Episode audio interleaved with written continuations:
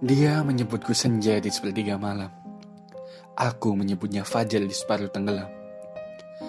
Lantas siapa yang aku sebut terik di tengah purnama? Dan juga siapa yang kau sebut sejuk di siang bolong? Kita beradu tanpa ragu seolah semua tak mau padu. Kita berkelut merangkai sulut hingga sang api tak mau bangkrut.